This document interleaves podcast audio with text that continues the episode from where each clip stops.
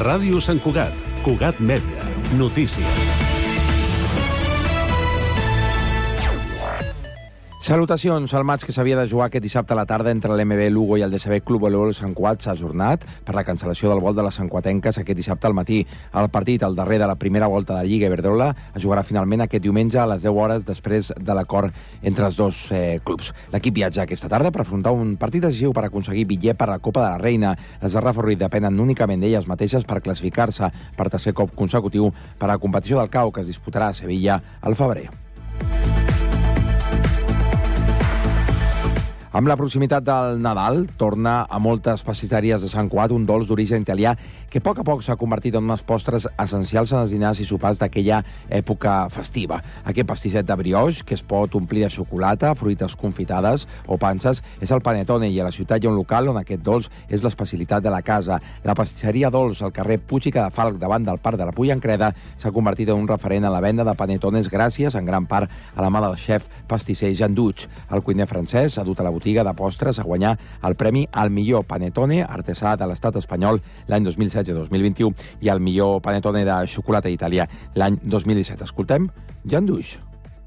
Colaboro mucho con Italia, estuve trabajando, estuve haciendo asesoramiento y entonces nos hemos un poco compartido eh, saberes con Italia, yo aportando cosas y yo ¿no? recibiendo de ellos y, y tenía un maestro, un mentor que se llama Rolando Morandin de Italia, del Valle de Aosta, que me ha formado a este dulce tan específico. Més notícies. El Consell de Barri de les Planes celebra aquest dilluns, 11 de desembre, la primera sessió del mandat. La trobada tindrà lloc a les 6 de la tarda al casal del districte i servirà per presentar els nous vocals dels grups polítics i les entitats per constituir la taula de presidència i per posar sobre la taula en quin punt es troben els projectes al districte. La regidora Núria Fernández serà la presidenta d'aquest espai participatiu. El 8 de desembre de 2022 és un dia que no oblidaran el Toni Sobirà i la Mercè Tomàs. Just fa un any, les seves vides feien un tom arran de l'encastament d'un vehicle del Servei de Neteja Municipal contra casa seva. L'escombradora va enderrocar parcialment la façana de l'habitatge que dona al carrer Diamant i va penetrar en la seva totalitat dins la cuina rebedor. Sortosament, el matrimoni no es trobava a casa i els ocupants del vehicle no van resultar ferits. Tot va quedar en un surt, però un any després el Toni i la Mercè encara no han pogut tornar a casa a l'espera de rebre llicència d'obres per construir una nova llar. Tampoc no se sap encara la causa causa de l'accident. Fins aquí la informació. Recordin que es poden seguir al Twitter, al Facebook, a qua.cat i també en els diferents butlletins horaris. Cugat Mèdia, la informació de referència a Sant Cugat.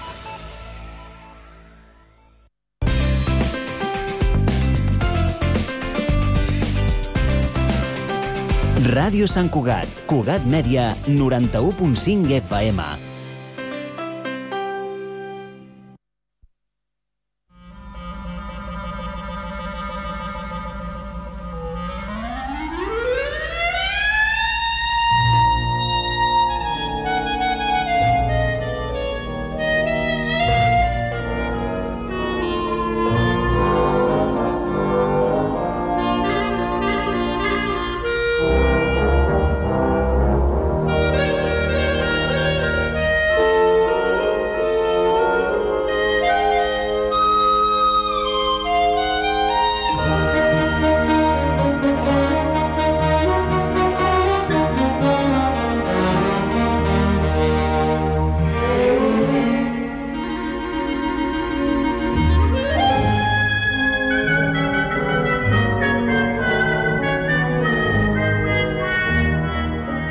Benvinguts, estimats parroquians i parroquianes, tortugos i tortugues. Benvinguts un cop més a la nostra cita setmanal amb la música. Amb la música d'ahir o d'abans d'ahir, amb la música de sempre, amb la millor música del segle XX, perquè el segle XX va donar tanta música que jo no ho veuré, però ja m'agradarà veure el segle XXI si serà capaç de donar tanta música. Benvinguts al club, al vostre club, al club Tortuga.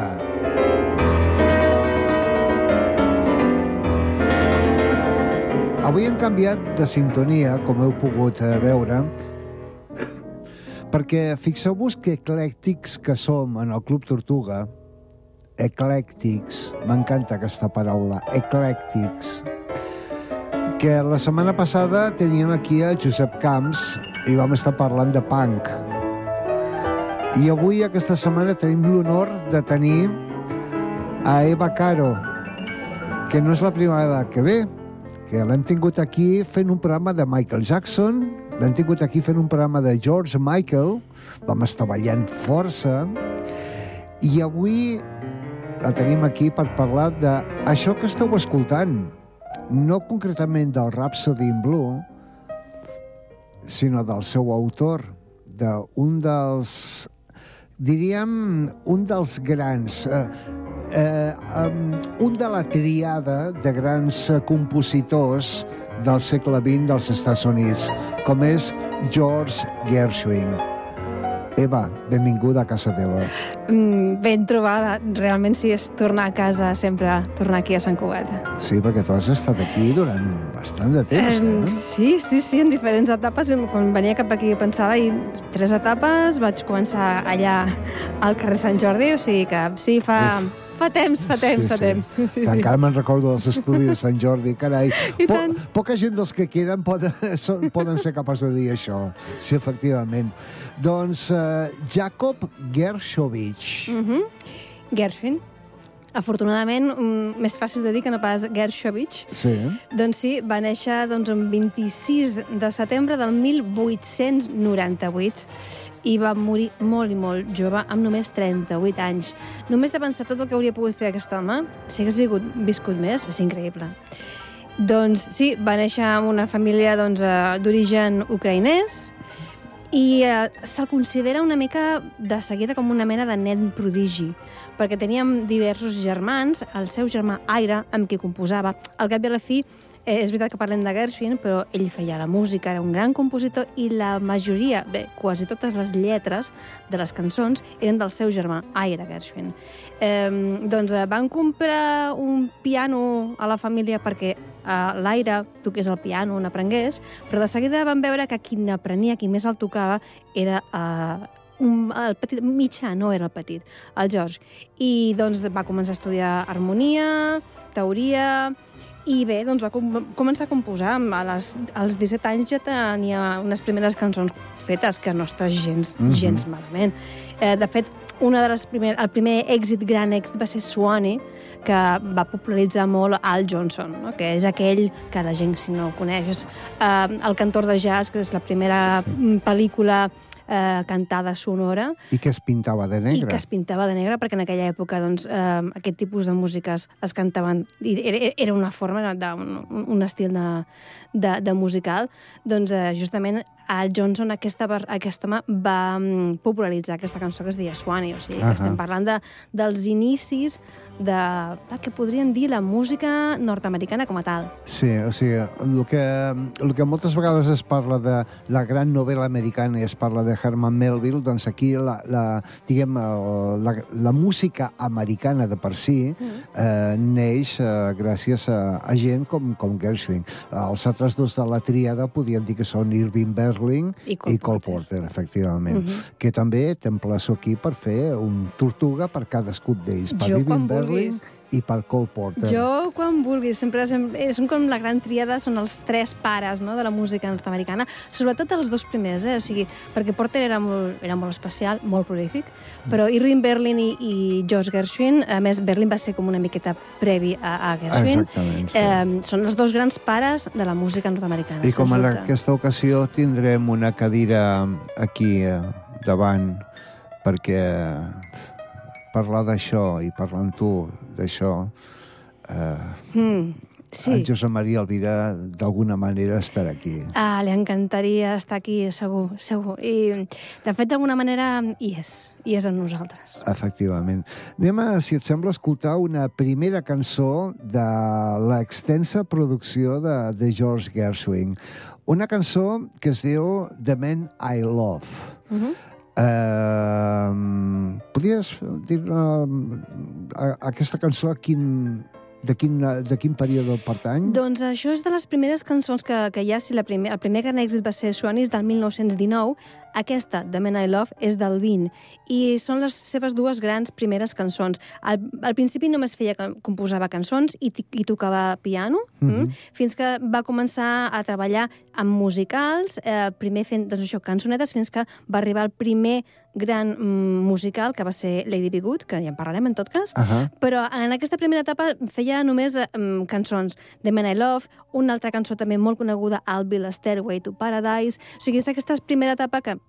inicis, que podríem dir, però que no està gens malament perquè aquesta cançó és preciosa. Uh -huh. Eh, tothom segurament l'ha sentit eh, cantada per la, per la Billie Holiday, Ah. però, en fi, és una cançó que la canti qui la canti té un, un tempo, una cosa... Nosaltres aquí al Club Tortuga tenim sempre hem tingut la, la intenció que més que fer, diguem, arqueologia musical, o sigui, portar-vos gravacions en les quals se senten molt defectuosament, aviam, per lo que era l'època, ens tractem de buscar versions mm, fidels o curioses d'aquesta i gravades eh, molt més recentment, com és el cas de la pianista i cantant invident eh, Diane Shure, la cantant newyorkesa, que el 1992 va fer un àlbum de clàssics, de clàssics, de, i entre ells doncs, estava Cole Porter, Irving Berlin, eh, Roger C. Hart, i també estava, evidentment,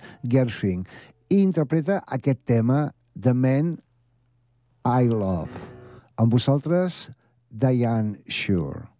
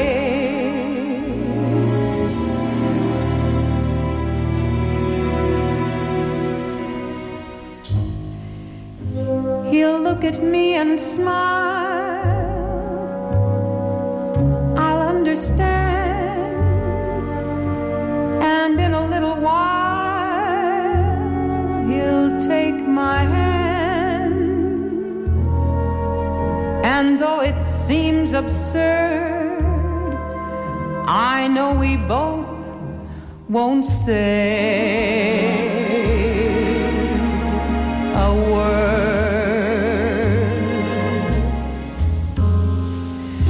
Maybe I shall meet him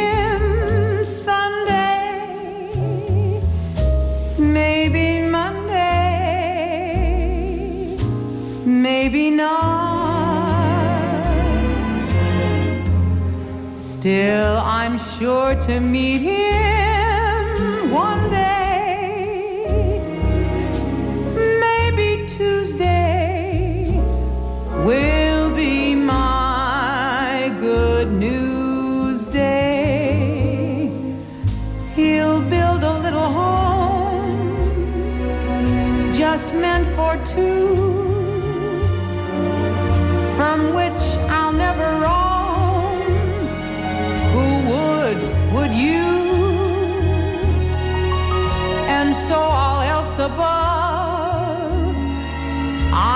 waiting for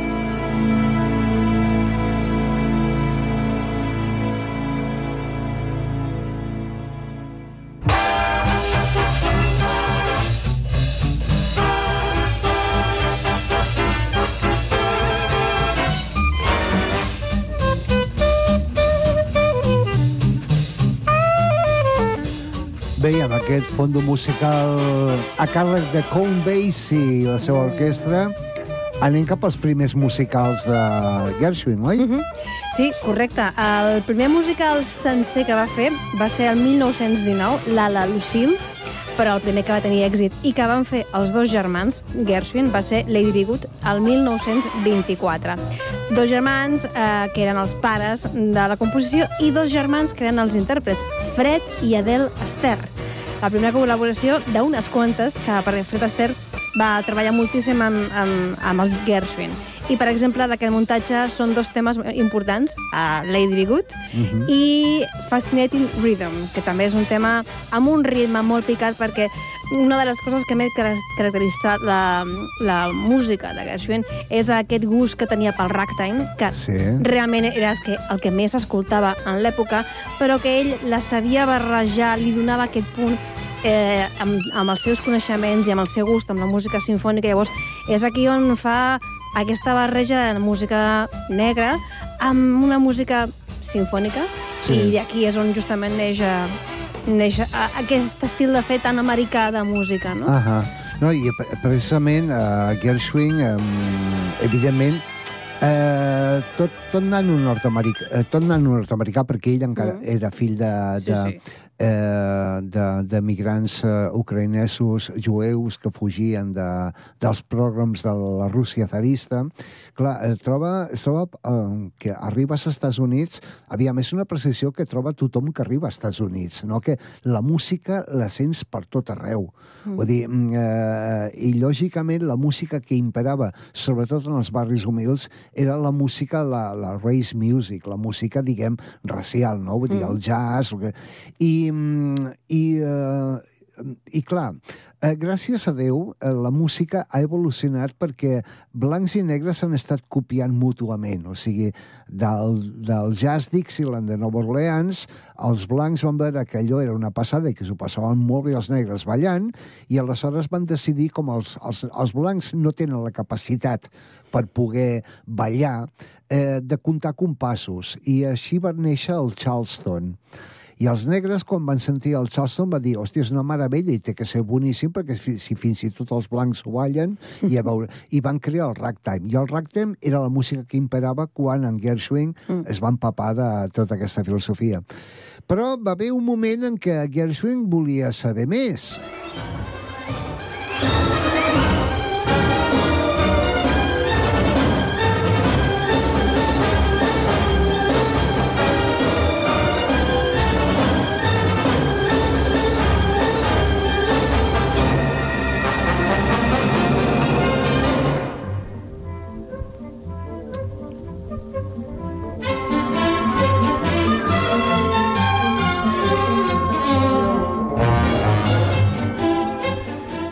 Ens trobem que a Gershwin, com un americano en París, se'n va anar a París a aprendre, Aprendre, aprendre música. a aprendre música. Aprendre exactament. música, sí, sí, perquè era un... Um, li, li agradava, tenia moltes influències de música mm, francesa, Maurice Ravel, sobretot, i de fet va intentar que li donés classes. Però eh, l'anècdota diu que, en fi, que Ravel, que, bueno, un americà, la música jazz, sí, és interessant, però clar, però no sé... Saps què? És que vostè ja té prou... Té com una mena de do que si li ensenyo eh, les normes estrictes de certes potser perdrà aquesta naturalitat i sap què? No vulgui ser un segon eh, Ravel si pot ser un primer Gershwin. Exactament. Aquesta és una de les anè- anècdotes que diuen que li, també ha aplicada a Stravinsky, Sí. però la, la conclusió és que mm, no va rebre aquestes classes. La qüestió és que tots els compositors clàssics es desempallegaven d'ell. Sí, Sí, allò com ho haguem dit. Saps com tu estàs buscant, eh, estàs buscant feina, presentes currículums i et diuen eh, no, no le cogemos perquè està demasiado calificado. Pues lo mateix, vull dir, no, escolti'm, eh, a veure, eh, que, que no sigui cas que s'assegui aquí i ens deixi unes quantes notes de jazz. Riu. Així li ha anat després de la música clàssica, uh -huh. no? Malauradament, que sembla, que sembla com tan quadriculada que li costa deixar-se influenciar. Sí, cert, però sí que és veritat que ell sí que es va empapar de tot el que veia, sentia eh, a París i fruit d'aquí doncs, eh, neix, neix aquesta peça que és Un americà a París del 1928, una suite d'uns 12 minuts i que, en fi, que a més eh, ell eh, volia recorrir... Eh, és una mena de repàs de les sensacions que un americà té doncs, en qualsevol eh, escena i en qualsevol carrer. I fins i tot sentim alguns claxons que ell, no sé com, però els va poder enregistrar, claxons de París, ah. i que Ah. després apareixen en, en, en la seva obra, no? Sí, sí, sí.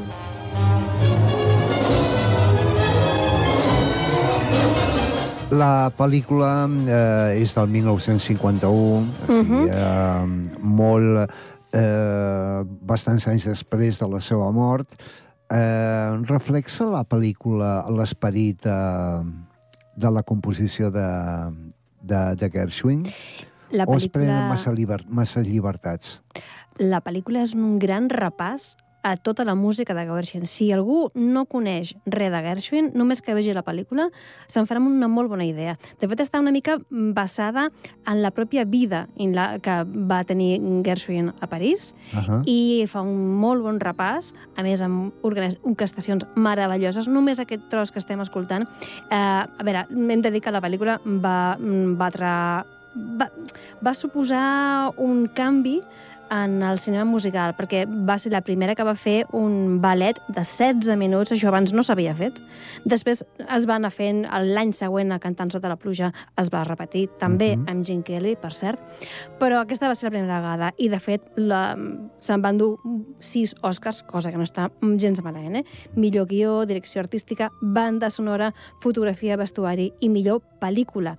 Eh, va ser el segon film en color a guanyar-lo després d'allò que el vent s'endugué el 1951. Realment és una pel·lícula que, a veure, el guió és molt senzillet, Chico conoce chica, s'enamoren, molt senzill, però està amb la direcció de Vincent Minelli, Gene Kelly, Leslie Caron, tota la escenografia, la coreografia és meravellosa i l'orquestració, la direcció musical de Johnny Green i Saul Chaplin és meravellosa, uh, amb Gershwin en su esplendor, que podríem dir. És molt i molt recomanable. Uh -huh. Tomad nota. Un americano en París, 1900, 1951, Sí, la pel·lícula és del 51. eh, dirigida per...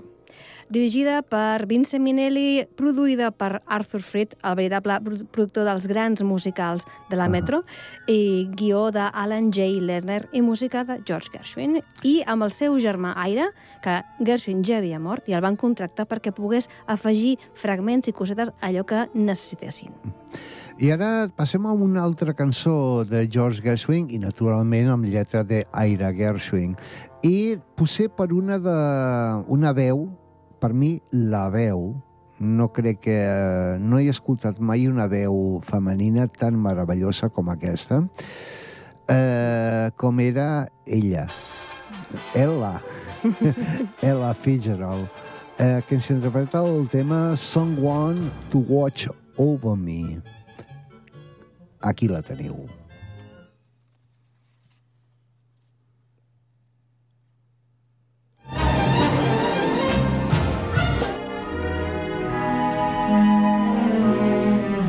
There's a saying old says that love is blind. Still, we're often told, Seek and ye shall find. So I'm going to seek a certain lad I've had in mind. Looking everywhere, haven't found him yet. He's the big affair I cannot forget. Only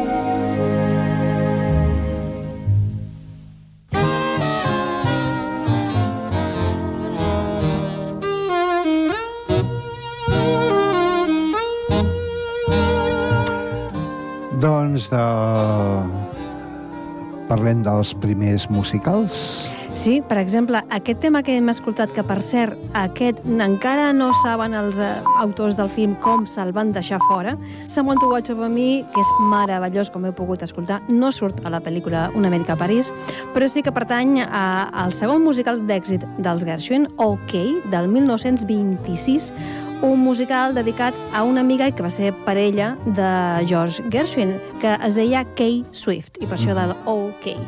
I d'aquest musical, doncs, Someone to Watch Over Me és segurament el muntatge més... Me... La, la, la cançó més, més coneguda. Uh -huh. I després, eh, Funny Face, el 27, un altre muntatge amb els germans Esther, Fred i Adele. I, per cert, en aquest muntatge va ser la primera vegada que Fred Astaire apareix amb la imatge que tots tenim del frac i el barret de copa. Doncs el primer muntatge El és papà aquest. Pines Largues. Uh, sí, exacte. Uau, fa molt que no veig aquesta pel·li. Eh, doncs això, sí, Funny Face, i després, el 57 se'n va fer una pel·lícula, però que no tenia res a veure, per això, però que sortia altra vegada Fred Astaire, atenció, amb l'Audrey Hepburn, que evidentment és la Funny Face, aquella cara d'àngel, que Ahà. va ser el nom que es va posar aquí en castellà, una cara con àngel, doncs així. I d'aquest muntatge, Funny Face, How Long Has, been, has This Been Go- Going On, un dels temes més coneguts de Gershwin is Wonderful, que és també... I He Loves and She Loves. Són alguns dels temes de- d'aquest muntatge Funny Face. La pel·li, bueno, està bé. Mm, Té quatre cançons i l'Audrey Hepburn eh, es destapa com una gran ballarina, que no ho sabíem. Ella va fer ballet, va estudiar ballet Uh -huh. i canta prou bé. O sigui bueno, que és... els actors nord-americans surten molt preparats, eh? De... Bé, però ella no era nord- nord-americana, ella era No, era britànica. britànica. Més Però va- encara. Però va estudiar, va estudiar ballet Uh -huh. I per, ser, des, per això després, mm, quan veus My Fair Lady i ella no canta, i dius, però aquesta dona cantava, per què no canta? La van doblar. Però Ah. bé, però mm, realment molt bé i balla realment molt i molt bé. I després, el 1930, un dels muntatges que van tenir més èxit, Girl Crazy, amb Ethel Merman, que és com una mena de mm, gran tòtem de, mm, de l'escena nord-americana de Broadway. I en aquesta orquestra, per cert, va tocar Benny Goodman o Glenn Miller, que no està gens malament eh, com a intèrprets. Sí. De Girl Crazy, doncs, destaquem... Bueno, segurament és dels muntatges que tenen més cançons conegudes. I Got Rhythm, But Not For Me, Embraceable You i Biding My Time. O sigui, quatre, per exemple, que poden ser del top 10 de, dels temes de Gershwin. Doncs, si us sembla, ara podem escoltar el tema But Not For Me interpretada pel com famoso trompetista, en aquest cas Blanco, uh, Chet Baker. But not for me. Chet Baker, aquí el teniu. They're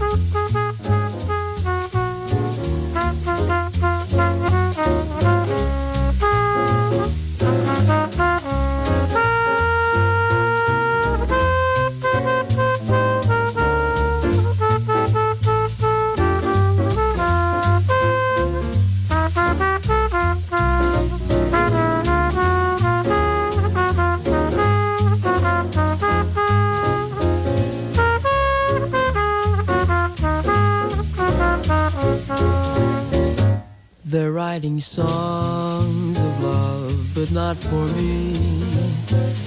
A lucky stars above, but not for me. With love to lead the way, I've found more clouds of gray than any Russian play could guarantee. I was a fool to fall and get that way. I ho, alas, and also lack a day. Although I can't dismiss the memory of her kiss, I guess she's not for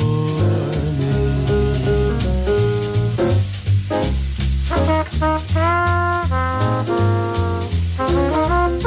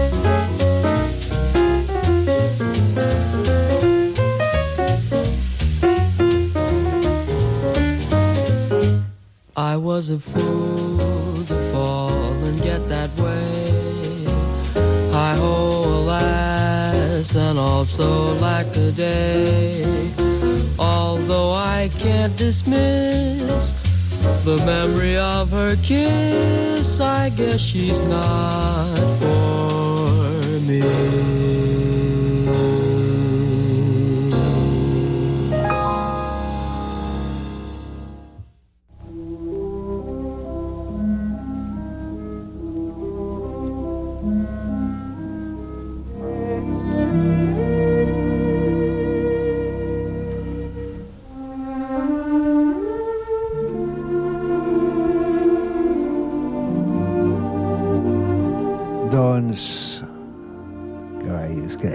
Jo, quan Costa sento... trepitjar quan aquesta música. Sí, sí, sí, sí. No, no, no, de veritat, és... és...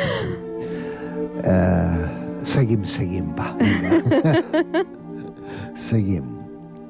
Uh, els següents musicals...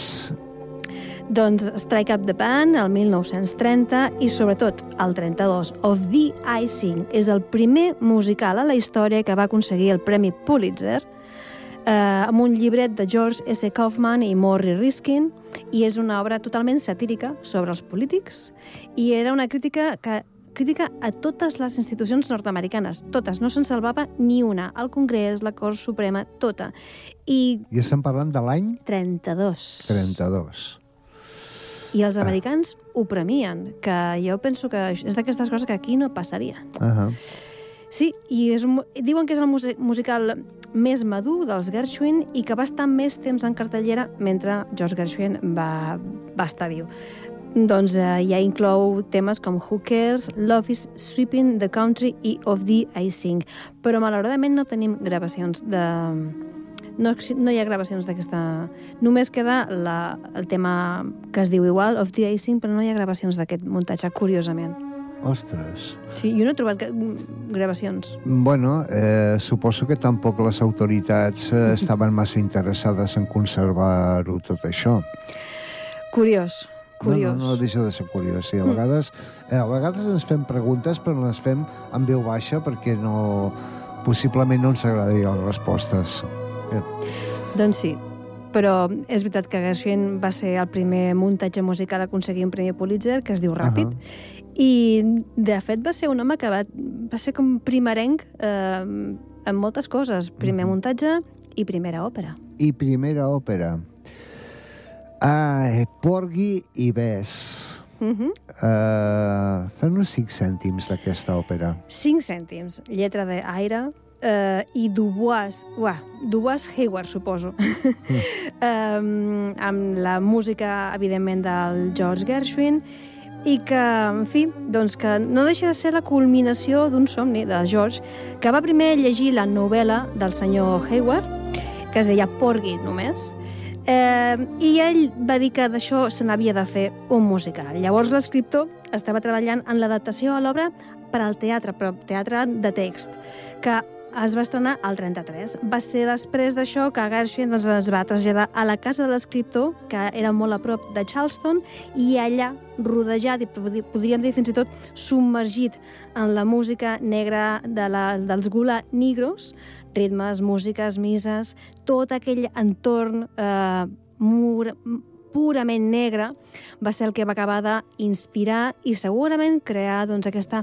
barreja d'òpera amb música sinfònica i amb aquesta arrel negra i a més explicant història de, una història de negres. Sí, que només de sí. pensar com li, se li va passar pel cap amb ell, clar, això va crear com molta estupor eh, entre el públic.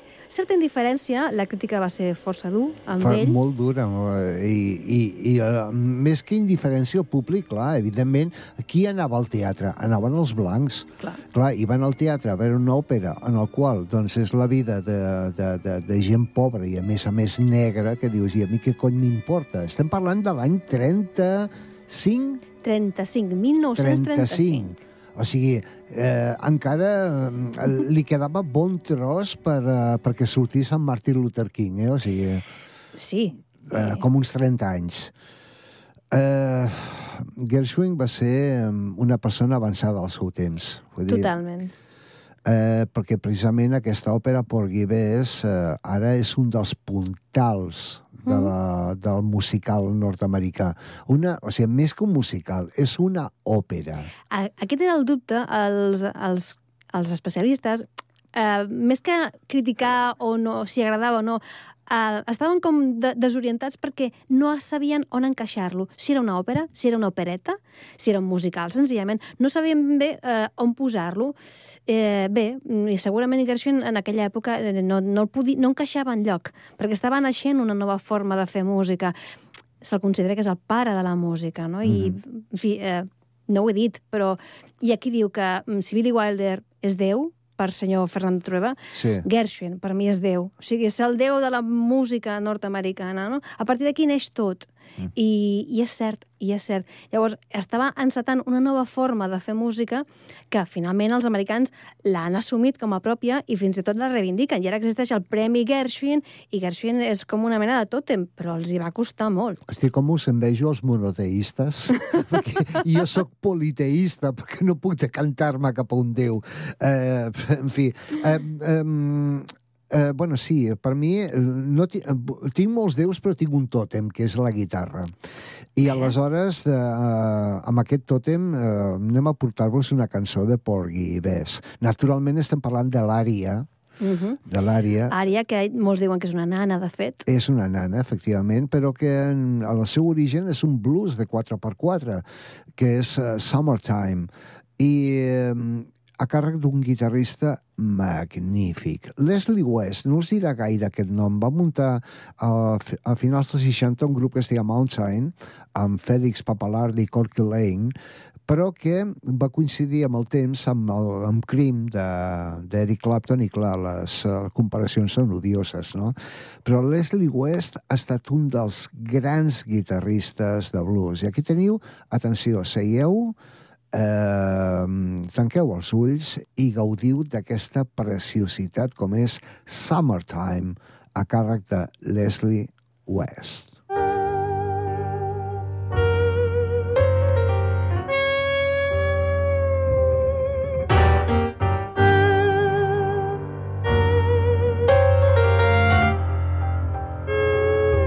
Summertime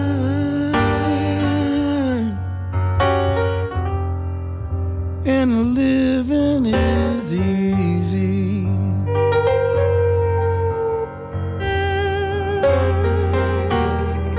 Fish are jumping and the cotton is high.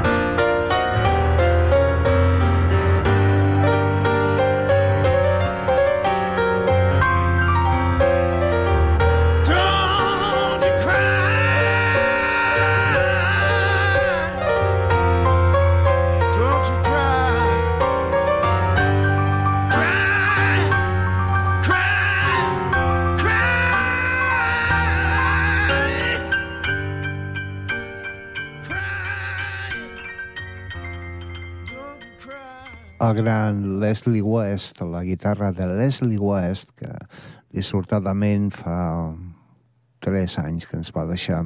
I seria injust no anomenar el genial pianista que l'ha acompanyat, Brian Mitchell. Eh, ens, of- ens han ofert aquesta versió de Summertime. Seguim.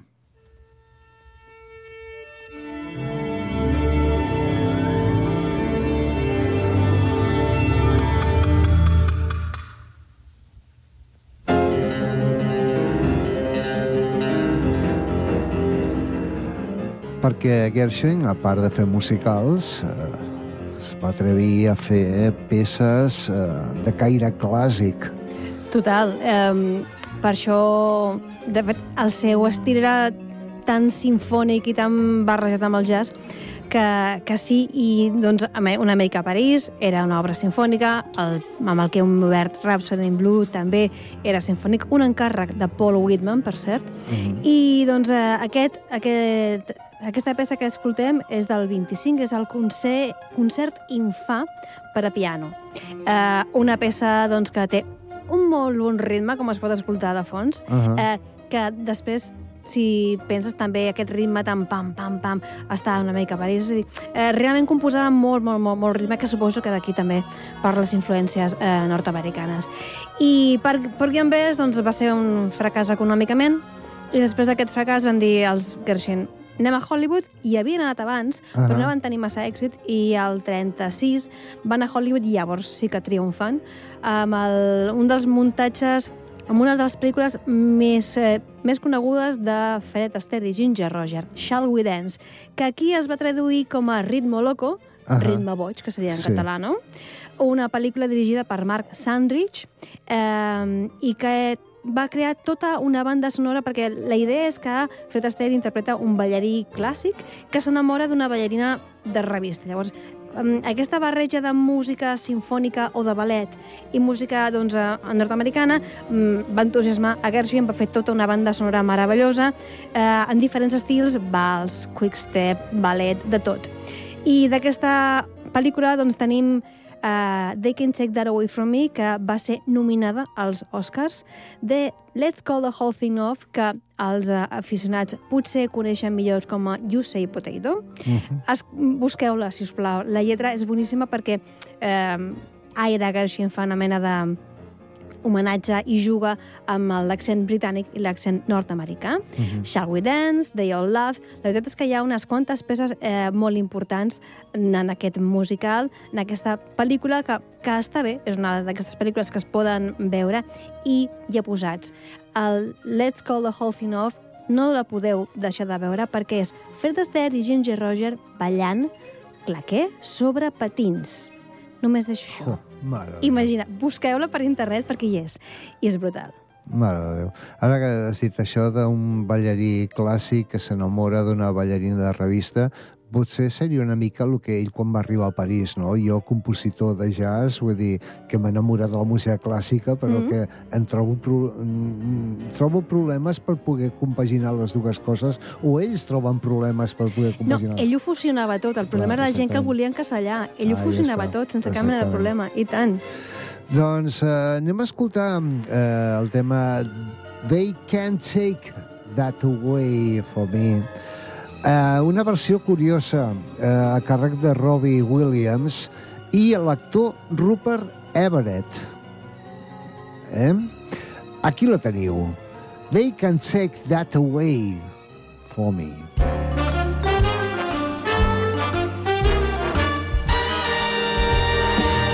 The way you wear your hat,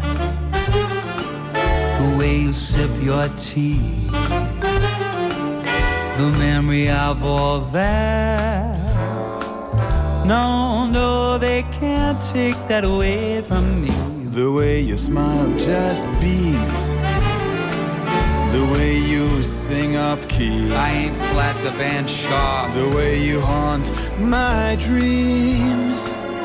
Oh, no, they can't take that away from me. We may never, never meet again on this bumpy road to love. Still, I'll always always keep the memory of the way you hold your knife, The way we danced till three. the way you changed my life. Oh no, they can't take that away from me. No, No, they can't take that away from me. Not without a lawyer, anyway.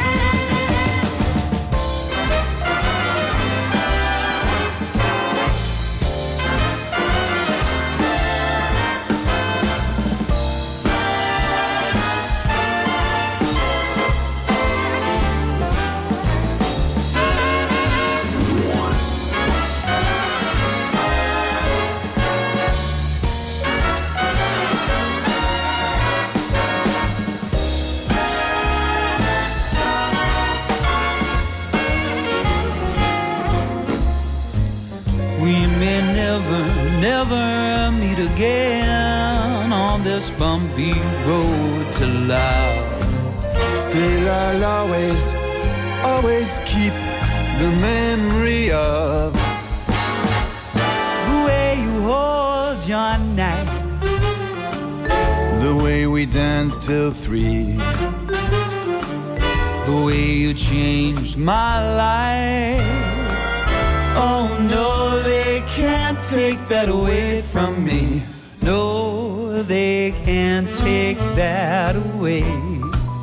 No, they won't take that away. Can't take that away. Can't take that away. Won't take that away. Won't take that away. Can't take that away from me.